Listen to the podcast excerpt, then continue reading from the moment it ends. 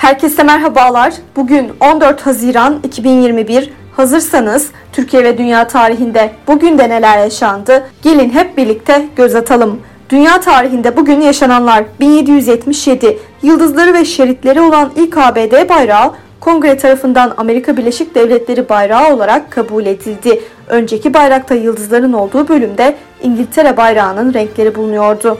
1951 ilk ticari bilgisayar olan Univac 1 tanıtıldı ve ilk makine ABD Nüfus Müdürlüğü'ne tahsis edildi. İkincisini ise Amerika Birleşik Devletleri Hava Kuvvetleri alacaktır.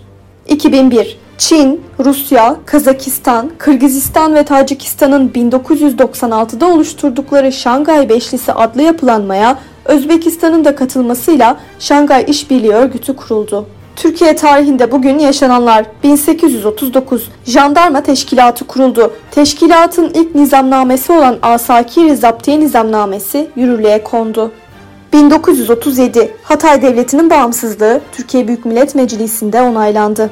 1977 Cumhurbaşkanı Fahri Korutürk hükümet kurma görevini CHP Genel Başkanı Bülent Ecevit'e verdi. Bugün doğanlar 1521 Türk Hezarfen, gökbilimci, mühendis ve matematikçi Takiyüddin doğdu. 1529 Avusturya Dükü 2. Ferdinand dünyaya geldi.